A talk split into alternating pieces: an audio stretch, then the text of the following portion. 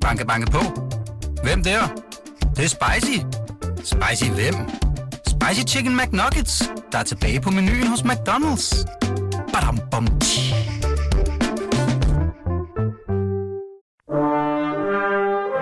Du lytter til Radio 24 Den originale teleradio.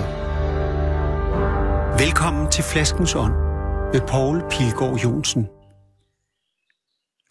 Fuglene synger udenfor, og der er en let brise, kan man kalde det, øh, mellem træerne, bladene, der rasler, fordi jeg har skiftet kanappen ud med et lysthus. Et lysthus, et lysthus på Fyn. Man skulle tro, jeg havde drukket vin, men det er jeg faktisk ikke endnu. Det gør vi om lidt.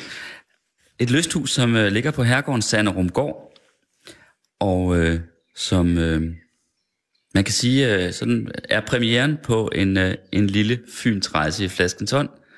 Fem udsendelser bliver det til, regner jeg med. Der har vi i hvert fald planlagt øh, i de kommende uger, og vi begynder her hos dig, Erik Vind, på Sanderumgård. Tak skal du have. Tak fordi vi måtte komme. I er velkomne, I er velkomne her i sådan en skøn morgen, hvor vi har fået 5 mm i nat. Det er fantastisk, og det er derfor, du har den her duft. Er der kommet 5 mm regn? Der er kommet 5 mm. Hold da op, det må du være glad for. Ja, men det er stødet har lagt sig. Det er rigtig godt. Men det batter ikke rigtig noget på det Overhovedet klip. ikke. Nej, Overhovedet ikke. det må Lidt være... på hestebønner og lidt på kartofler, men ingenting, nej. Nej. Altså, øh, apropos kartofler, jeg skænker lige noget vin op, hvis vi taler. Så, fordi jeg, jeg rent har læst, at, øh, at det er dig, der leverer kartoflerne til Kims. Ikke? Jamen, det er Til det. chips. Det er det. Vi har igennem øh, snart rigtig mange år leveret øh, kartofler til, til Kims Chips, og øh, har et rigtig godt samarbejde med dem. Og øh, ja, det er, vi, det er vi rigtig glade for. Jeg nævner det også, fordi at øh, i Jørgen fra chips, øh, Kims reklamerne har jo faktisk været gæst i Flaskens Hånd. Okay? Ja, det ligger i arkivet Ja. ja. på Radio 24 hjemmeside under Flaskens Ånd. Men det er jo altså ikke først og fremmest kartoflerne, som øh, jeg er kommet for at høre om. Erik Vind, kommet for at snakke med dig om øh, den romantiske have, som, øh, som ligger her rundt omkring os, og som øh, jeg har besøgt det her sted et par gange før, Det og har- været vildt fascineret af det. Altså, det er jo, øh, jeg ved ikke, hvad man skal kalde det. Kunne man kalde det en meditationshave, måske? Jamen det er det. Det er, et, et, et, det, det er en, oase, kan man sige, hvor man kommer ind, og så bliver man ladet op, og så frisk tager man afsted igen. Det er sådan Ja. den, den, Men det er næsten for banalt at sige det på den måde, ja. for det, der sker, det er jo sådan en slags, øh, hvad skal man sige, en rejse, altså et, en kontemplativ rejse, en rejse ind i sindet, man oplever, når man bevæger sig øh, under de her høje træer over sletter og kanaler og langs stier, og til lysthuse. Vi sidder i øh, sommerlyst, som ligesom er den, øh, hvad skal man sige, gladeste af den. det er det. Det Jeg er, overvejede jo at spørge dig, om vi skulle have siddet i tankefuld. ja, det havde nok været sådan lige uh, lidt munter nok her kl. 10 om Ja, formiddagen. det modsatte, mener du? Ja, jo. Øh, nej, men det her det er den ene af de to pavilloner, som er tilbage fra den gang, så den er jo rigtig, rigtig øh, gammel fra, fra starten af 1790'erne. Og det er rigtigt, at, at øh, når man er i haven, så skal man lade haven falde på sig, det, og, og, og du skal give dig den tid, der, der skal til for at at forstå det der. Øh, og det sker jo ved, at man sætter sig, og netop sådan en dag som i dag, hvor hvor lyset, det er jo en vandhave det her, der er rigtig meget vand, der er to kilometer vandsystem, og når vandet spejler sig, eller når lyset spejler sig i vandet og flimmer op på bladene, og den der ro kommer på dig, så, så åbner det op for en. Mm. Og det er det, der er ideen.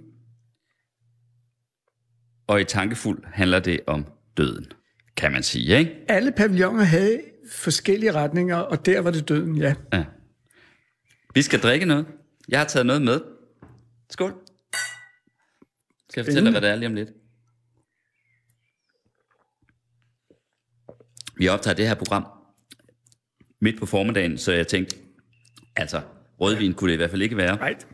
Men noget koldt hvidvin kunne det være. Og så var det meget heldigt, at øh, vinfirma, der hedder Tejsvine, lige er begyndt at importere den her Sancerre-producent, som hedder Alphonse Melo. Fantastisk. Og, øh, og det her, det er den udgave, der hedder Satellite.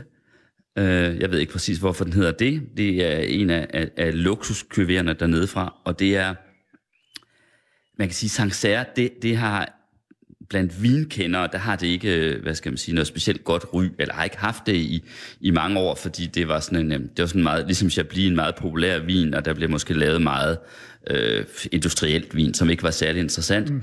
Og måske synes man også, at vin lavet på den her drue var sådan lidt, øh, øh, hvad skal man sige, måske lidt banale. Men Melo, de kan. Den smager fantastisk. Den ja, meget, den smager meget faktisk frugt. øh, fantastisk. Så frugtig, og så, øh, hvad skal man sige, øh, ja, det er både frugtigt, og, og det, men det er også livligt på en eller anden ja. måde, ikke også? Og, øh, og let. Og det har alle mulige frugter i. Altså, mm. det, jeg er faktisk ret med den her. Men dejligt. Og Thijs er jo på en eller anden måde, så er de jo... De, Nå, har, de begyndte på Fyn. Ja, de har et lager herovre i... i ja, Præcis. Der er lønnen, så tror jeg, det var. Fyn. Og så synes jeg også, den var lidt oplagt her på Sandrumgård og hos dig, fordi øh, Melo-familien, der altså laver vin i Sancerre, øh, det har de, de har gjort det og været der i rigtig mange år. Øh, det nuværende far og søn øh, forhold, som, som, øh, som laver vinen nu, og de hedder, det er sådan, de hedder begge to øh, Alphonse, for det hedder den ældste søn altid i den familie. Okay. Det er 18. og 19. generation. Tak skal du have. Ja. Det er flot. Ja, men du slår den vel, ikke? Fordi øh, slægten Vind er en af Danmarks ældste adelslægter. Måske den ældste kendte, eller? Jamen altså, det, det er fuldstændig rigtigt. Og så er der alligevel den, den have ved det, at, at uh, fra starten af 1500-tallet og så tilbage til 1200-tallet, der er, kan man ikke følge den direkte. Man kan ikke følge men, det sådan fra slægtled til slægtled? Nej, men navnene er der, og, øh, og det er de eneste navne, der er helt tilbage derfra, så det, øh, det må jo hænge sådan sammen, siger vi. Og den første gang, man hører om en vind? Det er 1190'erne. 1190'erne? Ja. Ja. Ja, det er lang tid siden. Der var to Åge og Nigil Vind, som var på broderlisten, og som også var med forskellige møder i Nyborg og så videre. Men jeres familie har kun været her i hvor lang tid? Ja, siden øh, stedet gik på auktion, så købte min familie det i 1828. Øh, og på det tidspunkt, så kom familien fra Norge. Der havde man så været oppe, og Norge var jo blevet tabt der i, hvad var det, 1815. Øhm, og så var man rykket til Danmark og, og, og lavede industrilandbrug. Og på det tidspunkt der, der, da man kom hertil, der havde man altså ikke fokus på den romantiske have. Johan Bylov var død. Så ja, det var... Johan Bylov, som jo skabte den her have, og som har en virkelig interessant skikkelse. Ham skal vi vende tilbage til. Ja. Men, men I køber det, øh, eller din forfar, er det din oldefar, tiboldefar? Tiboldefar. Tiboldefar. Ja. Køber det, øh, da han er død på auktion. Ja. ja. Og øh, hvad hed han? Jamen, han hed Christian Andreas Vind. Okay. Og var krigshelt fra Napoleonskrigen, så altså, han havde et helt andet fokus. I har ikke en tradition i jeres slægt om, at uh, den ældste søn altid hedder det samme? Nej. Nej. Nej. Skål. Skål. Ej, skønt her på en formiddag. Mm. Mm. Men du har ikke altid været godsejer. Du har faktisk været, øh, du har faktisk været ansat i et pladselskab. Jeg har været ansat i pladselskab. Åh, Abe, var det ikke det var, din opfindelse, eller i hvert fald... Uh... Det, var, det var mit gørmål sammen med Danmarks Radio, men det var Danmarks Radios opfindelse. Ja.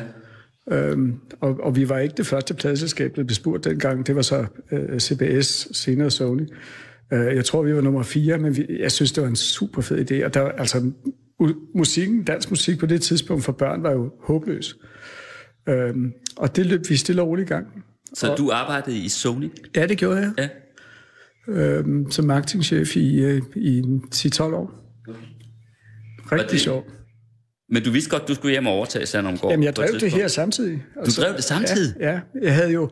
Øh, jeg har altid vidst, at det var mig, der skulle have det, og så i øh, forbindelse med, at det teknisk set var en, øh, forlagtigt for mig at overtage, så da jeg blev 20, øh, så overtog jeg, og øh, så havde vi lavet en ordning. Det gør man, når man laver de her ting, hvis man kan gøre det, øh, at, at min far var forpagter, og, og jeg på papiret... Ah, så du købte det sådan af din far, og så forpagtede han det af dig? Ja, og så øh. kunne jeg tage min uddannelse og så videre. Og så sker der desværre det, at han simpelthen dør. Øh, og der skulle, vi jo, altså, der skulle jeg lige lave det om, fordi jeg var ikke i gang med min uddannelse, og det skulle jeg... Så skulle jeg lave et setup, jeg skulle have forpagtet ud, eller skulle jeg... Hvor gammel er du, da han dør? Jeg er 20. Du er 20? Ja. Og hvor gammel er han? Han er 54. Så det var lidt af en øh, bræt opvågning. Det var... Øh, det var nogle hæftige år. Men altså, Du havde regnet med, at du bare skulle rende rundt og øh, have forskellige jobs? Eller, nej, jeg skulle Øh, have en uddannelse. Ja, Jeg skulle i gang med det, og så... Øh, Ja, og så have et arbejde, og så på et eller andet tidspunkt skulle du så, øh, når din far blev gammel, Ja. komme hjem og Ja. blive godsejer. Ja. Men det gik ikke sådan. Det gik ikke Hvad sådan. skete der med ham? Jamen, han fik meningitis, og, og, og, og det, det var meget utraditionelt, kunne jeg forstå, at, at folk i den alder, det er jo normalt, at det er værnepligtige eller børn i børnehaver. Og, men han døde i løbet af ingen tid. Det var simpelthen som en trafikuheld. Øh, men så lavede vi et, et, et, så fik jeg sat et system op, hvor en af mine meget gode bekendte øh, hjalp mig. Når vi øh, først fandt vi ud af, skal vi køre det her selv, eller, øh, eller skal det forpagtes ud, og øh, hvordan kan vi lave et setup, sådan, så jeg kan stadigvæk tage en uddannelse. Og det mest væsentlige var, at den driftleder, min far havde, øh, vi kunne godt sammen. Han havde en fantastisk humor, og han blev ved hele tiden 1998, før han gik på pension. Så det, øh, vi havde nogle rigtig gode år. Ja, for pludselig skulle du altså drive et gods. Ja. Ja. Med alt, hvad der til hører. Og det- Hvad hørte der til dengang? Ja, men der hørte jo 600 hektar og, og øh, tr- helt traditionelt landbrug. Og, øh, og så havde Og en masse vores- bygninger. masse bygninger. Det kan man se, hvis man går øh, hen til døren her i pavillonen. Dels er der hovedbygningen, hvor ja. du og din kone bor. Ja. Øh, og så er der nogle, øh, nogle meget store avlsbygninger. Så er der nogle sidefløje, og så er der avlsbygningerne, som heldigvis næsten er i brug alle sammen. Mm. Altså vi, vi har, øh, de er konstrueret på sådan en måde, så du faktisk kan bruge dem i dag i et, i et moderne landbrug. Øhm, så altså, det, fik vi til at- det fik vi til at køre, og så havde vi vores møder lørdag søndag og plandag, og så var jeg afsted i løbet af ugen. Var du nervøs? Nej, det var, det var jeg ikke. Det kom jo som et chok for dig, kan jeg høre. Altså, at, Ja. da han pludselig døde der. Absolut, det var en katastrofe. Det var, det var meget ulykkeligt, og det var meget ulykkeligt for min mor, der lige var blevet 50. Ikke? Altså, det var ikke, det var ikke spor sjovt. Øhm, altså, men, men det lærer man jo meget af, og jeg også jeg har øhm, øh, nogle søskende, øh, som, altså, vi havde det godt sammen. Vi havde, det var en god familie. Øhm, så på den måde kom vi om, igennem det og, og øhm, landede på benene og, og fik det til at fungere. Men jeg vil også sige, at i de år der, indtil at jeg kommer tilbage fra Sony, altså det var ikke fordi, vi eksperimenterede her. Altså vores kodex var, at øh, det her, det her øh, work the motion, men, men lad være med at kaste dig ud i noget, som er risikobetonet, fordi hektar arealet er ikke til spekulation i sådan noget der. Det er først noget, vi er begyndt på bagefter. Øh, men øh, Da jeg begyndte at lave kartofler og asparges Ja, og, og, så videre. og også med det nye setup og de medarbejdere, som også det er de fedeste folk, jeg har, fordi de er, øh, øh, de, de er, de er ikke specialister, de er, øh, de er generalister, de kan alt. Og det er jo rigtig godt. Skål. Skål.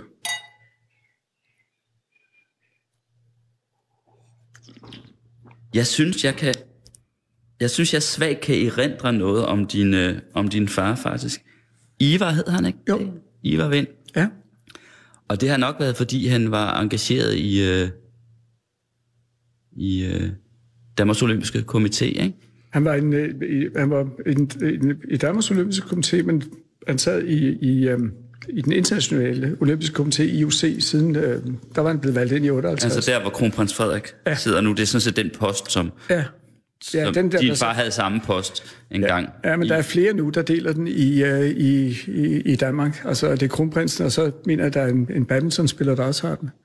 Hvordan, øh, hvordan var han havnet der? Jamen, det er jo, fordi han var jo, øh, han var jo øh, øh, sportsmand, og han var sådan en all-around sportsmand. Han var især højdespringer, og havde Danmarks rekord i højdespring, og så... Hvor, så hvor højt var det? Jamen, det var 1,96 Okay. i saksespring. Altså, det var ikke Fosbury Flop, eller Nej. det var saksespring. Og det er jo, jeg ved ikke, om der er nogen, der har taget den på den måde. Du er også en højst lang mand. Øh, selvom du er fyldt 64, er du, øh, kan du springe højdspring? Uh, nej, det kan jeg ikke. Uh, jeg er motionist. Jeg, jeg, jeg løber meget, uh, og jeg svømmer meget. Jeg svømmer faktisk hver dag. Øhm, og, og det tror jeg nok, jeg har lært. Af, altså det der med, at man skal holde sig i gang. Ikke? Men jeg har ikke været, altså ikke på eliteplan. Det var, men jeg fulgte jo selvfølgelig meget i den periode, min far øh, havde med at gøre, og det var, det var meget spændende. Det var også en kæmpe udfordring i de år der, fordi der var jo terrorisme, der blokerede de forskellige ting, og man skulle tage action på det, og Øhm, især øh, München var, det var, det var en hæftig sag. Mm. Øhm, Ja. og så han sidste, de sidste lege, han var med til, det var så i 76 i, i Montreal, må det være. Men du voksede op her? Jeg voksede op her, indtil jeg kom på kostskole øh, på Stenhus i Holbæk. En fantastisk skole. En rigtig, rigtig, rigtig god skole. Og der gik jeg i syv år. Hvordan, øh, hvordan formede livet sig her? Var der flere ansat dengang? Ja, der var jo en hel del flere, og, og øh, øh, der, hvor jeg lagde mærke til det dengang, det var jo, når vi havde sådan nogle høstmiddage, øh, høsten var i hus, altså, så, så, øh, jamen, så kom der jo sådan en, en, en vogn og stillede et hus op, og det blev så pyntet af alle, øh, med bøgegren og dannebrugsflag og alt muligt, og så blev der danset og sunget og så videre. Det var, øh, og der var jo en 40-50 mennesker. Og når vi gør det i dag, vi har stadigvæk en høstmiddag, men så tager vi ud til nogle, øh, altså dels noget virksomhedsbesøg, det kan være det hos Kims, øh, det kan også godt være det hos nogle asparges eller kartoffeldyrker, og så spiser vi en rigtig god middag, og så er vi måske 12-15. Mm. Det er, sådan er det i dag. Så, så på den måde der, der, der var havefolk, og der var køkkenhave og alt muligt. Der var rigtig mange mennesker. Mm. Skål. Så på den måde, undskyld, nej, på den måde, der er jo sket meget i landbruget. Altså det er jo, mm. øh, landbruget har udviklet sig også ved hjælp af at rationalisere sig. Ikke? Mm. Har du egentlig noget forhold til dine øh, forfædre? Nu talte vi om, øh, hvor gammel slægten er. En af de ældste. Øh, uradel hedder det vel i Ja. virkeligheden, ikke? 1191. Øhm, Jamen det er klart, du har nogle, altså der er nogen, der sådan fortaber sig lidt, ikke? Øh, jeg synes, jeg er rimelig godt styr på det. Og, øh, og så er der altså nogle ret skønne typer øh, indimellem, som man, hvor man sådan ærger sig over, eller, eller siger det så vanligt, at når jeg får tid til det, så vil jeg godt lige dykke ned i den. Øh, altså der er nogle, jeg har blandt andet en, en altså min, min, min tipoldfars bror, han var ambassadør i 40 år i Rusland. Og øhm, altså, når man ser de fotografier derovre fra, altså, de har haft en fest. Altså, det har været, og det var jo før øh, revolutionen, og han gik på pension i 1909, tror jeg det var. Mm. Og det har, det har ikke været kedeligt. Og, og øh, også det, han beskriver i sin, sin bøger. Og så er der nogle andre typer, som... Øh, øh, hans bror, som han bliver skudt i slaget ved Kolding i 1849 i den der øh, treårskrigen. Og det er, ret, øh, det er et ret grimt skud, øh, og, og han overlever, og, men har det ikke godt, og ender med at indskrive sig på Åringe, fordi han føler sig lidt ustabil. altså et sindssygt hospital. Ja, men, men han er ikke sindssyg, men han, han kan bare mærke, at det her, det, det er sgu Hvor, hvor bliver han skudt hen i hovedet? Nej, han bliver ramt i skulderen, og så kommer, kommer kuglen ud ned i knæet. Og det, det er sådan lidt mærkværdigt, ikke? Okay, Og det, det ødelægger meget, ikke? så må det have været skud fra oven. I, hvordan det var, men hvis du, hvis du studerer det det slag, to skud? slaget ved Kolding, det var, det var ja. rigtig, rigtig slemt. Og så er der nogle andre, nogen som øh, øh, øh, Jørgen Vind, som var med på trefoldigheden sammen med Christian 4., hvor Christian 4. får skudt sit øje i stykker. Altså han er med på... Han på har, han har kommandoen. øh, Nej, han har patentia og har kommandoen på, i, i slaget. Og, Og det er øh, simpelthen der, hvor Christian 4. får skudt øjet. Ja, Christian Fjer kommer i så den anden eskader i uh, trefoldigheden. Men uh, Jørgen får skudt sit ben af, og Nå. det er jo ikke så godt. Så han uh, får koldbrændt og dør dagen efter. Øh, men for øh, at Rosen omtaler af kongen, så det er sådan det er en tiebreak, den der, øh, øh, det der slag der. Hvorimod hans efterfølger, han holder ikke flåden inde i Stralsund, og han bliver simpelthen halshugget af Christian 4. Peter Galt. Det, er, det, det var kontant afregning dengang. Meget, meget spændende. Og der er altså igennem historien, der er nogle rigtig, rigtig øh, øh sjove øh, personligheder og interessante. Og så, jeg har en øjlemor, som var franskmand, som også var fuldstændig bengal. Men øh, hun var formand for Københavns Brandvæsen. Hvad siger du? Ja, det blev hun. ære- Nej, hun var, nej hun, var, hun, var, hun var æresformand, må det være. Okay. Øh, og, og syede sin egen uniform i den, i den øh, sammenhæng. Og en meget morsom dag. Og hun malede, og jeg har en masse malerier af hende, og hun må have været vidunderlig. Så sådan er Det er det. lige før, vi skulle bringe en for hende. Hvad hedder hun? Jamen, hun hed Marie. Marie? Marie. Ja. Marie Vind. Ja, nej, hun hed uh, Marie Orleans. Hun var gift med min, uh, min, uh, altså min, uh, min uh, tiboldfar Okay. på min mors side. For Marie Orleans. Ja. Skål. Skål. Jeg vil klinke. Sådan der. Du har en søn, der hedder Geo, Ja, som jeg har læst mig til, skal, skal overtage. ja. Ja. Det har han simpelthen bestemt sig for. Han, hvad er han? 22 eller sådan? Øh, han, er, han er 23. Ja. Er du glad for det? Jamen, det er der. Og, og øhm, altså, hvis man ser på, hvor... hvor øh, altså, han er den, der har vist rigtig interesse for det her, ikke? Øh, så så det, det, lå, det lå ligesom i kortene, at jamen, det, det, det vil han være god til. Det vil han virkelig være god til. Og det foregår på den måde, at vi er i gang med en overdragelse nu. Der er nogle, øh, øh, en, en mulig kunstig situation at, at lave en overdragelse her inden for de næste par år. Og i, i den sammenhæng, der involverer jeg ham jo i alle større ting. Simpelthen, hvad, hvad gør vi her, og vi har tænkt os at gøre sådan, og hvad synes du? Og, og så er han med til de møder. På den måde kommer han sådan øhm, godt ind i det. Og han har jo en helt anden tilgang til det. Altså alt, hvad han laver, der han går rundt med sine PC'er og regneark og øh, sådan noget der. Og øh, jeg, jeg vil sige, jeg, jeg sidder med med min lommeregner og et stykke papir.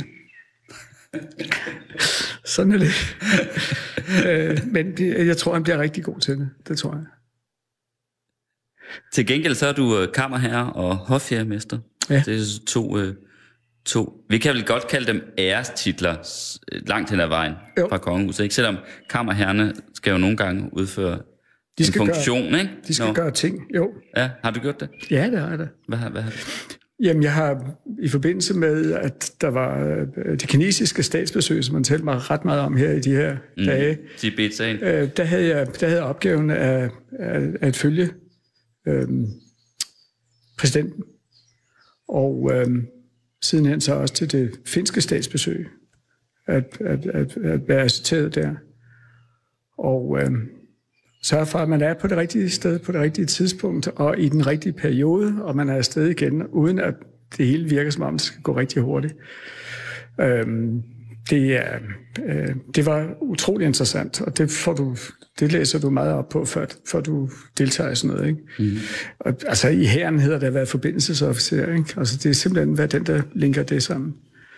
Og så er der nogle andre opgaver, du har, hvor du følger ambassadører til, til, øh, til dronningen, øh, når, de, når de ankommer til landet. Det kommer her jobbet. Ja. Så kan der være andre ting, men det er det, det primære. Hofjærmestertitlen, den, øh, Det er en den følger der ikke så mange pligter med. Det er en ærestitel. Det er en ærestitel. Ja, det er det. Ja. Det er det, man bliver først, ikke? Jo. Hvis man er godsejer, typisk, Jo, ikke? jo. Ligesom du. Sidder lige og kigger ud.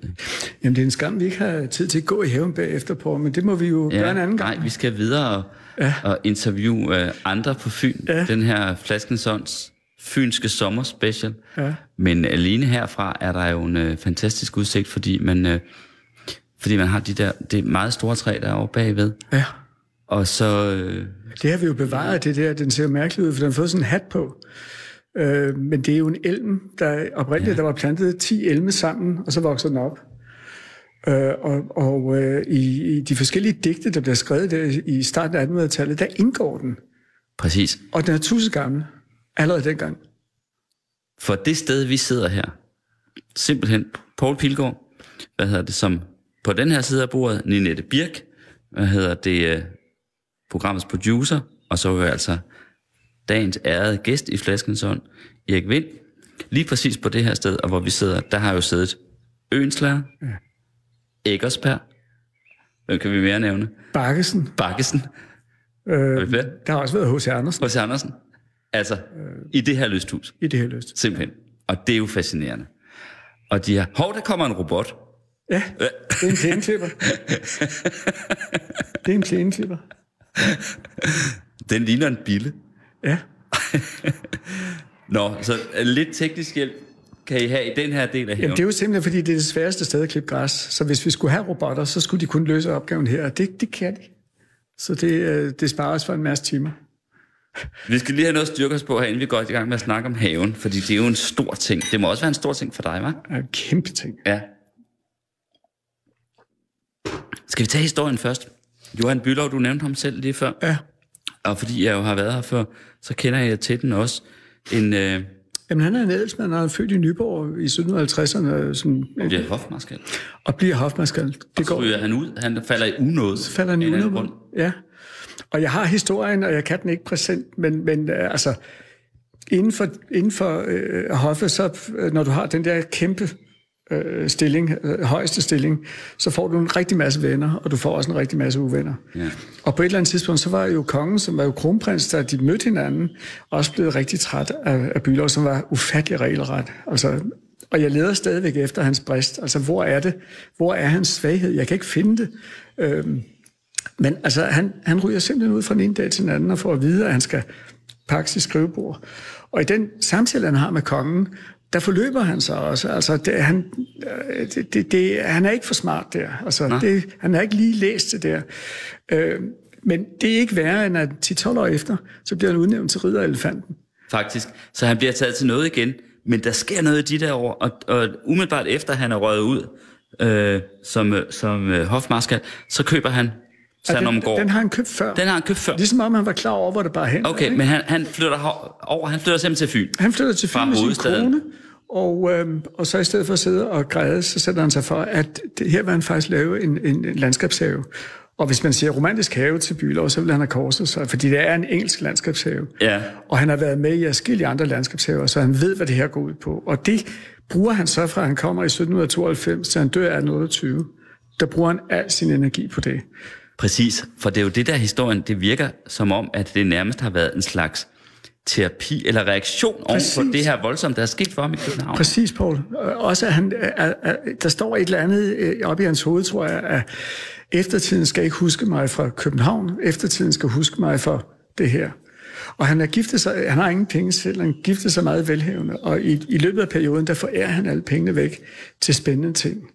Og, og nu nævnte du øh, eller, vi de her forskellige malere og kendte personer, men under dem er der et hav af mennesker, som i, inden for alle mulige grene markerede sig i de år. Altså videnskabsmænd og... Videnskabsmænd og sprogfolk og...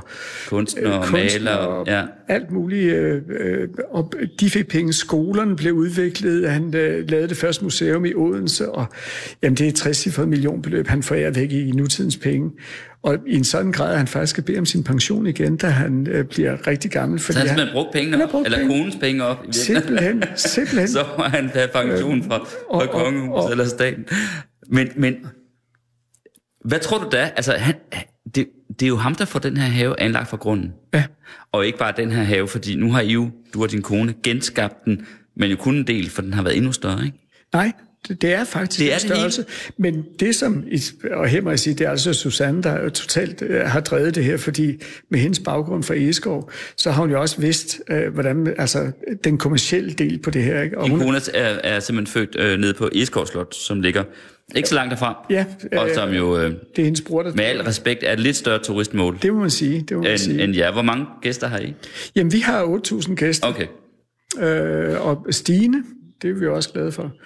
Øh, men altså, øh, Susanne sætter sig for, at, at øh, øh, hvordan gør man det her? Og, og, og laver alt det her kedelige med at få øh, alle tilladelserne og få kommunen til at synes, det er en god idé. Og øh, beregninger, og, og selvfølgelig hjælper vi hinanden, men, men øh, øh, det er Susanne, der sparker det her i gang. Ingen tvivl. Men hvad er det, der, øh, hvad er det, hvad skal man sige, Bylov har fået øh, lavet oprindeligt? Altså, han har simpelthen fordi det er jo, øh, jeg ved ikke, hvordan det har set ud her. Det var en mose. I 1792 eller 1792, ja. en mose, hvor en mose. David Å går igennem. Og i det moras, øh, og, og det beskriver de forskellige, både Bakkesen og, og, og B.S. Ingemann, der er her. Nå ja, Ingemann var her også, det er rigtigt, øh, Ingemann. Øh, at, at det er altså noget moras, som man simpelthen får lavet til den her landskabshave, hvor, hvor der bliver lavet 13 pavilloner, og ideen med de her pavilloner var, at når du var ude i dem, så skulle du påvirkes forskelligt. Og når folk kommer og boede her, de kunne jo godt bo her en, en måneds tid, og Bylov gik selv rundt og serverede. Der var ikke, der var ikke personale og så videre. Men så gik de ud og lavede ting. Altså de skrev og tegnede og gjorde, og så underholdt man hinanden om aftenen. Og det blev sådan et mega for, altså simpelthen en magnet for kunst. Og, øhm, øh, og, og er det store øh, sted øh, i Danmark kulturmæssigt i perioden øh, 1792 til han så går på. Han blev aldrig færdig med haven. Det gør vi heller ikke øh, fordi den udvikler sig hele tiden. Så 13 pavilloner, og så en masse stier, som går ligesom af forskellige... Og kanaler. Med du og kanaler, ja, og det, så kommer man ud på et åbent slet, og så vokser det lidt til, og så, ja. og så når man går op til tankefuld, som vi ja. talte om før, ja. pavillonen, så står der sådan nogle sentenser, kan vi vel Ja, det gør der. Små sætninger, sådan nogle memento, eller mementi hedder det vel i ja. flertal, det ved jeg ikke. Jamen, det er fordi, øh, Bylov var frimurer. Og, og det er sådan nogle frimurersentenser, har jeg fået at vide efterfølgende, at, at hvis, du efter, hvis du efterlever dem, så er du sådan inde i den der tredje grad. Er du nogen af dem? Jamen, der står der, øh, ved du, hvad der forestår? Ved, ved du, hvad, hvad der dig forestår? Og Ja, altså øh, det- frygter du et eller andet, så gå ikke videre. Og, og, Altså, det er døden, vi taler om. det er døden, vi taler om. Ja. Og det, det er lidt dystert, og det er et dystert sted, og, og så med den her enebord, der skulle være der, og kranierne med en... en som, Enebord, Ja, det er en eremit-hytte, øh, og, og en, altså skal illudere en enebord, der er der. Og, og, og så var der en gæstebog, og der skrev så alle, der var der, de skrev sådan, hvad der kom dem ind i hovedet, og den gæstebog har vi stadigvæk. Og den skal vi jo have udgivet, og i det hele taget har vi jo planer om, at vi gerne vil have et museum her, fordi øh, vi låner ting ud til så man skulle bevæge sig af stier igennem den her have frem til tanke, hvor man så undervejs får sådan nogle sætninger, der kan stemme ja. scenet. Husk, hvad der venter dig. Ja. Det var ikke lige sådan, det var udtrykt, men alligevel. Ja. Og hvad var det? Gå ikke videre, hvis Ja, hvis du frygter øh, udfordringer, så stop her okay. på moderne dansk. Stop. de fleste vil nok vælge så at gå videre, ikke? Ja. Og det er alligevel trods alt for provokerende. Øh. Og så videre. Og så kommer man ind i et, øh, et lysthus, må vi jo kalde det, selvom øh, Ja. det her måske er mere lystigt. Ja, det, det vi er sidder sådan i, vi sidder i sommerlyst. Pavillon. Men der ligger så nogle kranier, siger du. Der ligger nogle kranier, og, og det skal så illudere en, en kejser og kejserens slave af i døden, når man er ens. Og så står der øh, på væggen, og det er måske meget, eller bylov, altså står du, der vogter for at falde.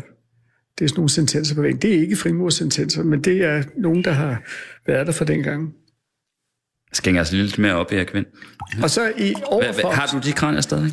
Ja, nej. Altså, min, min farfar, han, øh, i forbindelse med, at der var en, en kirkegård, der blev, øh, øh, der blev lavet i orden ind i Odense, Sankt Hans Kirkegård, der var sådan en spedalsk kirkegård i Odense, der fik han altså på en eller anden måde øh, lukket et par kranier op på øh, bagagebæret. og, øh, og så var de herude, men så øh, altså, er de forsvundet, fordi der var ikke lås på. Men jeg har købt i en kraniebutik i New York, der har jeg købt nogle kranier nu. Så, og de er, det er øh, der går du ind i en butik, der spørger de om, skal det være afrikansk, eller skal det være en europæer? Men det er altså ikke øh, ægte, det er plastik. Er det? Ja, men du kan ikke se forskel. Og de ser, de, de ser rigtig godt ud. Øh, men så overfor, så har du det- korset, og så står der, se lyset gennem graven smiler. Det kan jeg rigtig godt lide, fordi så er det ikke så dystert alt sammen. Der er håb forude, der, øh, der sker noget på den anden side. Og det, det, det, det synes jeg er rigtig godt på det sted. Det, øh, det gør, at det ikke er alt for, alt for sort. Hvorfor tror du egentlig, at, øh, at alle de her, altså det er jo nogle, øh, vi taler om nogle af de aller, aller største øh, i, øh, i dansk øh, kunst og kultur, litteratur osv., som sagt Ingemann, Andersen, Eggersberg osv., der er sådan set to spørgsmål, man kan stille sig. Dels, hvorfor ville de gerne komme her, og hvorfor ville Bylov egentlig gerne have, at de skulle komme her? Altså, tror du, fordi han var stolt? Altså, han ville vise frem, hvad han havde kunne Jo, men der er, to, der er to forskellige... Altså, fordi det var jo, måtte have været et nederlag for ham jo at blive fyret som hofmarskal og, og ryge i unåde hos kongen. Det var Absolut. vel det nærmest det værste, der kunne ske. Det var dengang, ikke? frygteligt, hvad han er. Absolut. Ja. Øh, nej, men der var to sider i det. Altså, for det første, så kunne han jo spotte folk. Altså, mange af de her kunstnere kom, før de blev kendte. Øh, og det var bestillingsarbejde. Eggesberg, det er de billeder, du ser i reproduktionen her. Øh, han hænger blev, på væggene her i lyst. I det her her. ja. Øhm, han, det var bestillingsarbejde. Han kom over sammen med sin gode ven Clemens, der var korsstikker, og, og fik at vide, at han skulle lave 10 billeder. Øh, og Torvaldsen... Bylov ville simpelthen have, ville have simpelthen dokumenteret, hvad det Han- var, han havde, Absolut. hvad han havde lavet her. Ja. Og det fik han så Eggersberg til. Det fik han Wow. wow. Eggersberg til at lave. Og det var før ikke, det er 1806, og Eggersberg har jo ikke været på sin, øh, sin øh, Italiens rejse. Og øh, Torvaldsen sidder og, og tager det lidt for stille og roligt ind på akademiet, og der får han lavet nogle bestillingsarbejder øh, øh, af ham, og så kommer han afsted øh, øh, til Rom og så videre. Men der er andre, altså der er ingen tvivl om, at, at Bakkesen, som var en kunstner, var totalt kolerisk, altså, øh, og det kan man, altså de skriver de sjoveste ting i, de der, i den der gæstebog, at det har jo været inspirerende mm. at være der. At, at, at, øh, jamen, øh, og den unge verdens lidelser, det er jo lige, altså Goethe er jo lige rundt om hjørnet, ikke? Øh, hvad, er det, der, hvad er det for noget? Og det er meget tungsindigt. Selvom de jo er meget unge i virkeligheden. Ikke? Ja, Og, og, og, og Det har været nogle øh, døds, øh, dødsbevidste... der var virkelig gang i Ynglinge. dødsdriften der, og, og man tænker på det, når man læser det, at det virker meget navistisk i, med dagens øjne. Men det har jeg prøvet at dykke ned i, og, og det, altså, man kunne jo ikke sige til en pige, ved du hvad, øhm, du er virkelig skøn, skal vi ikke prøve at finde ud af et eller andet sammen øh, rimelig hurtigt, ikke? Øh, det kunne du ikke sige dengang. Du kunne slet ikke være alene med hende. Men hvis du fremførte et digt for hende, hvor der var nogle undertoner af nogle ting, så var det noget, der kunne lade sig gøre i et, i et, et rum, hvor der også sad en guvernante mm. eller noget. Mm. Og det var den måde, de gjorde det på. Og det synes jeg er ret sjovt, fordi det løfter det der navistiske op i en helt anden dimension. Øh, så det, det er jo en del af netop oplysningstiden, at du tager dig nogle friheder nu. Ikke bare på det, du maler, og du får folk placeret ude i naturen, og du kommer væk fra det her meget stive interiørbillede, du kommer ud i, øh, du bare Rybergs billeder nede, det kan du tale videre med Britta om, om, om lidt, ikke? Øh, på Hagenskov. Altså de der, øh, pludselig er det ude i naturen. Det er nemlig rigtigt. Jeg har fortalt dig det. Vi skal, vi skal videre herefter til endnu en herregård, Hanskov over ja. ved Assens, og besøge Britta Schall Holberg, Ja, tidligere minister. Vi skal lige have en skål, Erik Vind.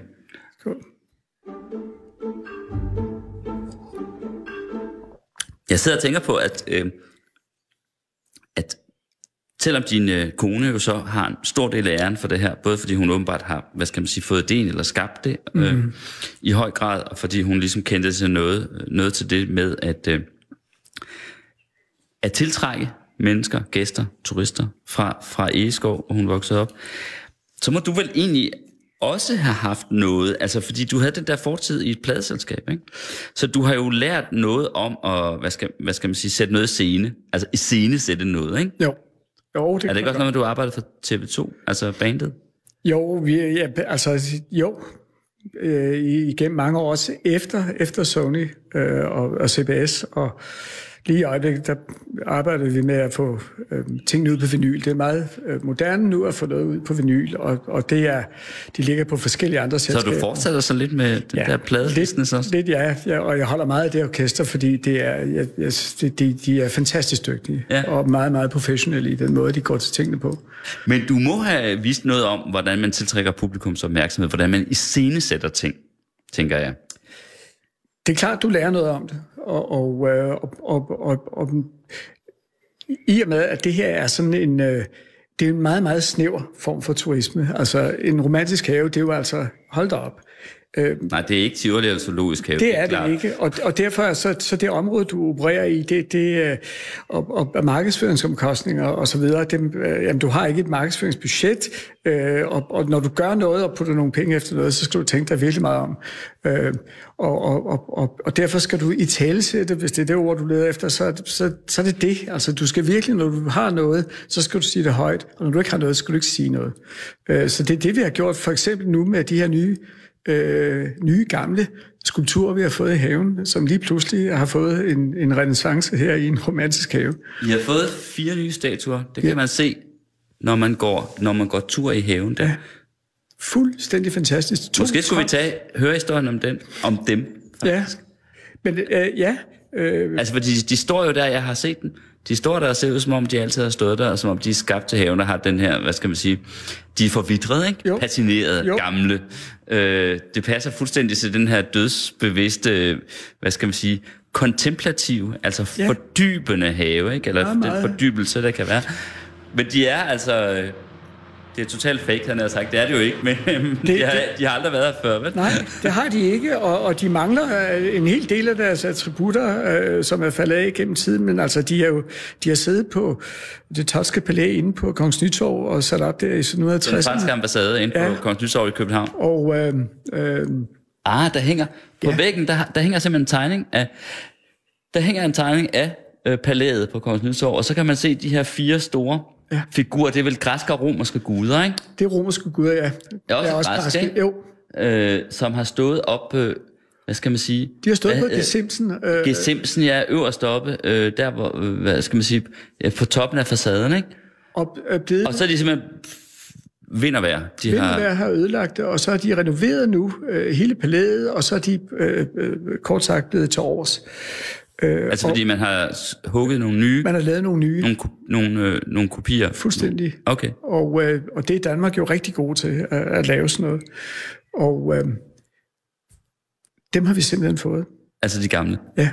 Og lavet sokler til dem og sat dem ud i haven, og det ser ud som om, de altid har stået der. Præcis, men det gør det virkelig. De står lige kanten af sådan en slette, hvor der måske kan se lidt ja. øde ud ellers. Og, og så, så før de bliver lavet, så laver man nogle i gips, for at have nogle arbejde ud fra.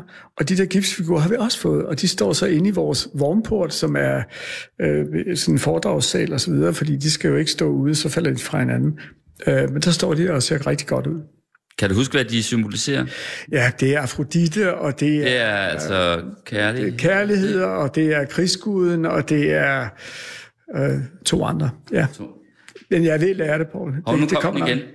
Billen. Altså, hvad hedder den? Robotten. Jeg fik lige øje på den. Den, den kørte lige forbi øh, døråbningen her.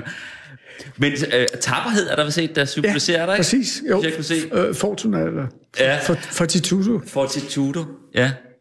Alt sammen sådan nogle, øh, sådan nogle klassiske øh, begreber, der har med menneskesind at gøre, og dermed jo altså perfekt passende til, til haven her, selvom de egentlig ikke Hører til her, ja. hører til her. Og vi har selv to øh, skulpturer, som øh, stammer tilbage fra, fra 1880'erne, og, og vil meget gerne have nogle flere, fordi øh, haven gøre sig godt med det.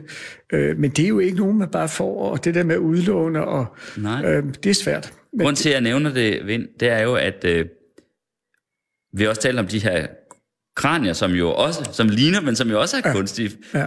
Altså, så jeg tror nu stadig, at du har en vis sans for, for det der med iscenesættelse. jamen, haven er en Altså, det- illusion. Det... det er en illusion. Hele haven er en illusion. Hele haven er en illusion. Vi har en, øh, vi har en, øh, en, en runesten derude, øh, som, som øh, Johan Bülow selv lavede. Sk- skrev I 1700. i 1780. 1790. Øh, altså, så, så det er noget med, at, at hvordan, hvordan hjælper du dit sind? Øh, Det hvordan hele er simpelthen en illusion. Det er en det hele er en iscenesættelse fra begyndelsen af. Ja, det er det. Og det fortsætter du i. Det gør jeg. Ja. Ja. Det gør jeg, sådan så når man går en tur herude og har sin madkur med og øh, sin termokande, øh, jamen så får man en rigtig god oplevelse og er øh, ligesom at sætte øh, fingrene i stikkontakten og blive opladt. Så når du tager fra, så er du altså frisk.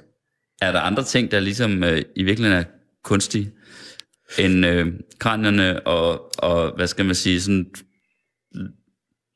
Nej, det er der ikke. Det vil ikke. Altså, øh, selvfølgelig, kanalerne er jo gravet ud. Ja. Det er ikke noget, der bare er, er, er, er drevet. Men øh, nej, det er der ikke. Vi kunne jo godt tænke Jeg os... spørger bare, fordi fuglene synger simpelthen så Ja. vidunderligt her Nej, udenfor. det har vi ikke. Kunne jo godt være, at du havde indspillet den på et bånd. Ja, på et bånd, eller, eller sætte noget... Nej, nej. Dog ikke. Dog ikke. Skål. Skål. Så klinke.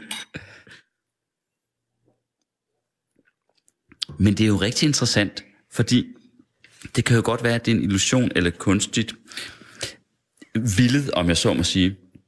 Men jeg vil næsten sige så meget desto mere interessant, fordi hvad er det så, man vil med det vildede? Ikke? Hvad er det så, man vil? Hvad, Altså det her, det er jo en, en, en, det, det er jo en kulturperle, der er blevet bevaret. Og det er vi rigtig, rigtig glade for. Og hvad er det så, man vil med det? Jamen det eneste, vi kan sige, vi vil med det, det er, at vi kan høre fra vores gæster, når de har været her, og vi, jeg, jeg er jo daglig, og Susanne også, at så kommer man hen, eller vi får en mail, eller vi får en sms, eller noget med, at tusind tak, det her, det er simpelthen, hold da op, hvor er det bare dejligt, og Øhm, jeg var lidt ked af det, men nu har jeg simpelthen været en tur i haven. Og, så det er en, en eller anden form for... Øhm, og det ligger jo også i tiden, Paul, at, at øhm, det hele er så flygtigt, og, og, og du skal jo være fem steder på samme tid, og helst holde dig orienteret med hvad som helst. Og det skal du ikke i den her have, fordi den have, hvis du giver det tid, så er den have, der vokser på dig. Og jeg kan selv mærke forskellen fra, at du, du hastigt går igennem, fordi nu vil du gå en tur og lige se et eller andet. Og så har du pludselig nogle dage, hvor du går med en bro, øh, som lige skal vedligeholdes, og så er du derude måske et par timer, så er haven helt anderledes. Så kommer der en isfugl, eller altså, du hører nogle lyde, og, og, det er den der forskellighed, som er rigtig, rigtig væsentlig, og som gør, at du... Øhm, nogle ting, du har tumlet med, så pludselig, nå ja, det kan man da også. Mm. Hvad er det sgu heller ikke? Og så videre, ikke? Og den form for, øh, altså den, øh, den hjælp og den, øh, den måde at gøre tingene på, den synes jeg ikke, ja, så skal du altså simpelthen øh, have krisehjælp eller noget. Altså, så skal du have nogle andre til at gøre det. Men her, der, der kan du altså komme ud, og der kan den haven sætte sig på dig på en god måde. Ikke? Og, og jeg tror også, det er derfor, at der kommer flere og flere. Mm. Altså, det er, øh, og, og det er forskellige alder. Vi har selvfølgelig ikke helt unge, men vi har yngre par, mennesker, øh, yngre, og, og, og, og især ældre, og de holder virkelig meget af det der.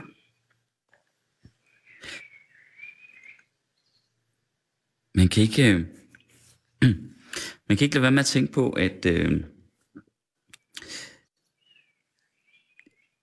at det, den funktion, som det måske har haft for øh, Bylov og anlægge haven, altså en øh, terapeutisk, ja, meditativ præcis. funktion, altså selve det at anlægge den har haft den betydning for ham, men, men selve anlæggets, det det så kan, på en måde. Mm. Altså sådan som du fortæller det nu, så lyder det i hvert fald også som noget, der øh, kan have næsten terapeutisk betydning, ikke? Det tror jeg bestemt. Og så kan man ikke lade være med at tænke på, hvordan parker ellers anlægges nu om dagen. Altså, nye parker anlægges jo som regel øh, mest i, i store byer, ikke? Og jo. måske mest i København, ikke? Jo. Men det går ud på skaterbaner, og, altså hvor man skal noget hele tiden, ikke? Altså, det er virkelig noget andet.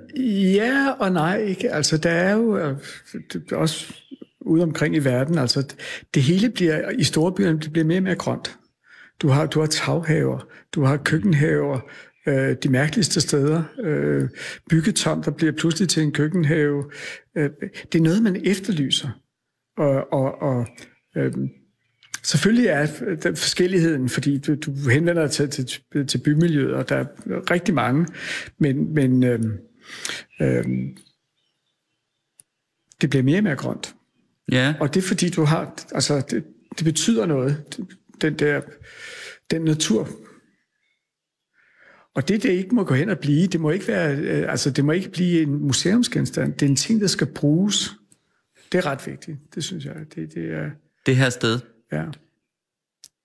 Ja, for det er jo egentlig meget sjovt. Øhm, fordi når man, nu kan vi ikke se det lige herfra, fra pavillonen, men man kan jo se det, når man, når man ankommer her, vi kørte op ad indkørslen her. De der store ladebygninger vidner jo om, at, øh, eller avlsgrund, at det rent her faktisk er et landbrug. Ja. Altså en erhvervsvirksomhed, ikke? Ja. Og et landbrug. Og så er det alligevel også sådan lidt et, øh, hvad kan vi så kalde det? Det er jo også lidt musealt på en måde, ikke? Altså, og det er klart, at... at, at et egensmuseum, om man så må ja, sige. Ja, ja. Vi sidder herinde i, i noget, der, øh, en pavillon, der nu ligner lidt en udstilling, ikke? Og så videre. Det... Jo, men det, det, altså, du skal operere i det der øh, felt, der hedder frilandsmuseums erhvervsvirksomhed, mm. hvor alle har en mening om dig, og alle har en mening om det, du går og laver. Og det der skal du operere i. Det synes jeg, at det, og det vi alle sammen blevet rigtig gode til, fordi i starten, der, da vi åbnede haven, der, altså vi ryddede ikke rigtig meget op på samme måde, som vi gør nu. Altså hvorhen? Jamen, det var bare ude i hjørnerne i landbruget, der lå måske en sæk eller noget, eller, og, og øh, og det vi blevet, altså det vi alle sammen, nej, der skal, der skal lige være lidt pænt der, ikke? Og så opførte vi jo en, øh, øh, et tørreri hernede, og det er jo altså, det er sådan Robert Jacobsen, der står dernede. Ikke? Og, men det er væsentligt at fortælle, at det her er en produktionsvirksomhed, og, og det er indtil videre, der er det altså landbruget, der betaler festen her, og vi, Målet med det her er, at det skal gå i nul, og det er det ikke endnu, men vi er pænt på vej derhen. Okay, altså den der Robert Jacobsen sagde om, det vil sige, det er altså, det er ikke en skulptur, det er, det er en maskine. Det er, som ser meget... det er nogle store søjler, ja, hvor vi har vores præcis, korn i. Præcis. Ja. Så det vil sige, I tjener ikke noget på det, det koster faktisk Det koster penge. os, og, og hvis vi ikke havde det, der hedder Havens Venner, som er en gruppe frivillige, som øh, simpelthen er, er, er mødt op her, og, og de kommer hver tirsdag og med til at holde haven. Så kommer de og lurer? Ja, ja. Okay. Og river. og og det, det skal jeg måske sige, at i forbindelse med, at vi udviklede haven og, og åbnede den i 2010, der fortalte vores havearkitekt Charlotte Skibsted, som vi stadigvæk arbejder med, øh, at I bliver nødt til at lave nogle indsatsområder og læggergøre dem. Øh, I kan ikke lave det hele på en gang, så der er ingen, der kan se, at der har været nogen. Og de der indsatsområder, det er dem, som vores havens venner øh, passer og plejer. Og hvis de ikke var, så havde vi slet ikke en have. Men du siger, at målet er, at det skal gå i nul, og det er ja. det ikke endnu. Men hvorfor vil de så lave det egentlig? Altså, det lyder ikke som om, at nogen kan få et overskud på det. Hvorfor Jamen, vi kan ikke få et overskud på det, og, og min svigerfar fra Eskov, han synes også, det var noget mærkeligt noget. Øh, men, men, men det er en kulturperle. Og, øh, øh, og den ligger herude, og altså, så vil vi gerne give den en chance. Og, og, og vi kan mærke på den opbakning, der er, at det skal også nok lykkes. Altså, jeg var lige i starten, så tænkte jeg, hold da op, hvordan og hvorledes med... Øh, fordi drift, vi skal selv drifte. Sådan er det med alt det her, ikke? Ja, altså, I fik nogle penge fra en fond, Vi fik fonde. men I skal selv betale fonde. det løbende, Vi skal selv betale drift. de løbende udgifter. Ja. Og, øh, og, og der kan vi, vi kan mærke nu, at, at, at der kommer flere og flere, og, og vi laver også andre aktiviteter. Vi laver et forårsmarked og et høstmarked. Mm. Øh, vi laver en gudstjeneste herude, og øh, øh, det skal nok lykkes at få den til at gå i nul. Og, og det synes jeg også, at øh, jamen, det bør man, når man har sådan et sted, øh, som er en historisk perle, øh, så kan det ikke bare gro i skov. Og, og det var det jo lige ved.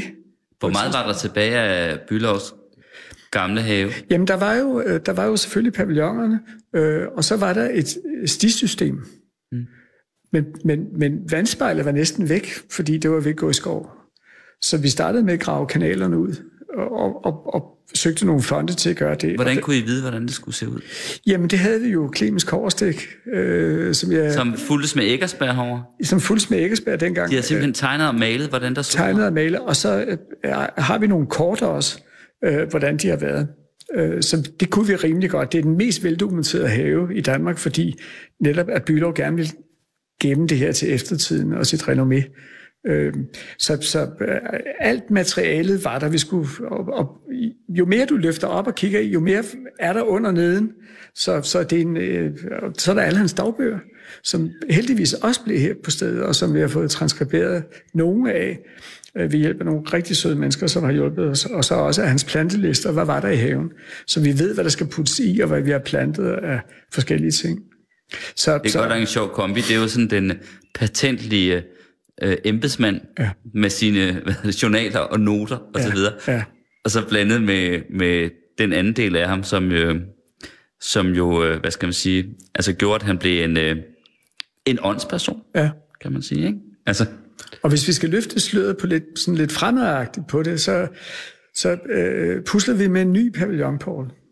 Øh, en, der peger fremad. Og, og, og hvad er kriteriet for en ny pavillon? Den skal være ny og pege fremad, men når du ser den, skal du ikke være i tvivl om, at den har sit udspring i den romantiske periode. Det er altså det er lidt af en opgave. Og vi er lige ved at have tegningerne klar. okay. Øh, Hvad skal der, der være inde i den? Ja, der skal jo være et sted, hvor du kan fordybe dig, og der skal være nogle, øh, der skal være nogle rum, nogle glasflader, hvor der også står nogle sentenser på. Og mere er vi ikke rigtig kommet frem til endnu, men den bliver mega flot. Og øh, så arbejder vi lidt på, og øh, det bliver vi nødt til, vi bliver nødt til at lave nogle, øh, øh, øh, nogle korte film omkring det her. Øh, podcasts og så videre. Fordi det, det, det, øh, det fungerer rigtig godt på YouTube, og, og så kan man komme et kvantespring ind i nogle ting. Vi skal vælge nogle emneområder ud og lave noget podcast. Det, Var det ikke ret træls, at der pludselig begyndte at rende så mange mennesker rundt i jeres have? Altså, I har vel været vant til at bo her i fred og ro? Overhovedet ikke. Altså, jeg elsker mennesker, og, og øh, det var lidt træls i, i det første år, fordi øh, altså, vi, anede jo ikke, hvad vi gjorde, og, og da vi åbnede, og vi havde ikke altså vores øh, øh, velkomst ved besøg, altså hvor man kommer ind, og, og vores øh, toiletter var ikke sådan helt okay, og det fik vi også læst af påskrevet, og det var jo totalt rigtigt, og det fik vi rettet, og siden der har det kun gået en vej deroppe det er jo rigtig skønt.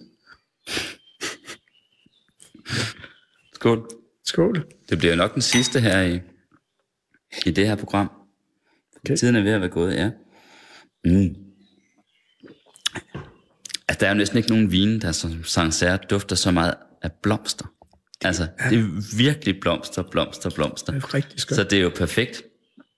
Det er jo perfekt lige her. Jamen, øh, tak fordi du kom på. Ja. Har I nogle vindkælder oppe i uh, hovedbygningen? Vi havde en vinkælder, som jeg delte med min bror der tilbage for 40 år siden, og, og øh, den har vi sådan, øh, der var ikke særlig stor, øh, men den du nævnte forleden, det er altså, jeg har stadigvæk noget portvin. Og jeg, jeg er ikke så glad for portvin, så der, der er ikke rigtig, men jeg har nogle rigtig gode venner, der elsker det. Og når de, det er sådan et bestemt hold, der kommer en gang om året, så åbner vi sådan en flaske, og det er fra århundredeskiftet, og så Sådan. det er, Men det var ikke rigtig gået her en formiddag. det tror jeg ikke. Jeg kommer en anden dag, Erik Vind. Det skal du gøre. Du er velkommen. Tak fordi jeg måtte komme. Du lytter til Radio 24 /7.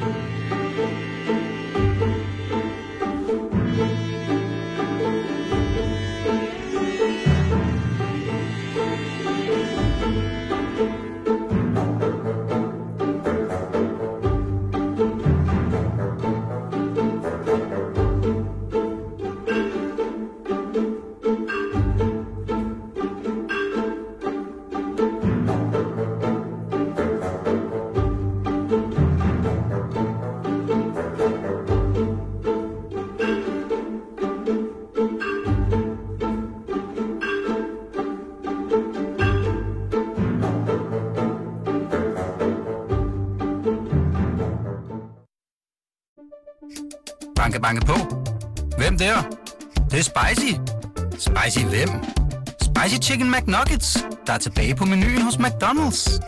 Badum, bom, tji.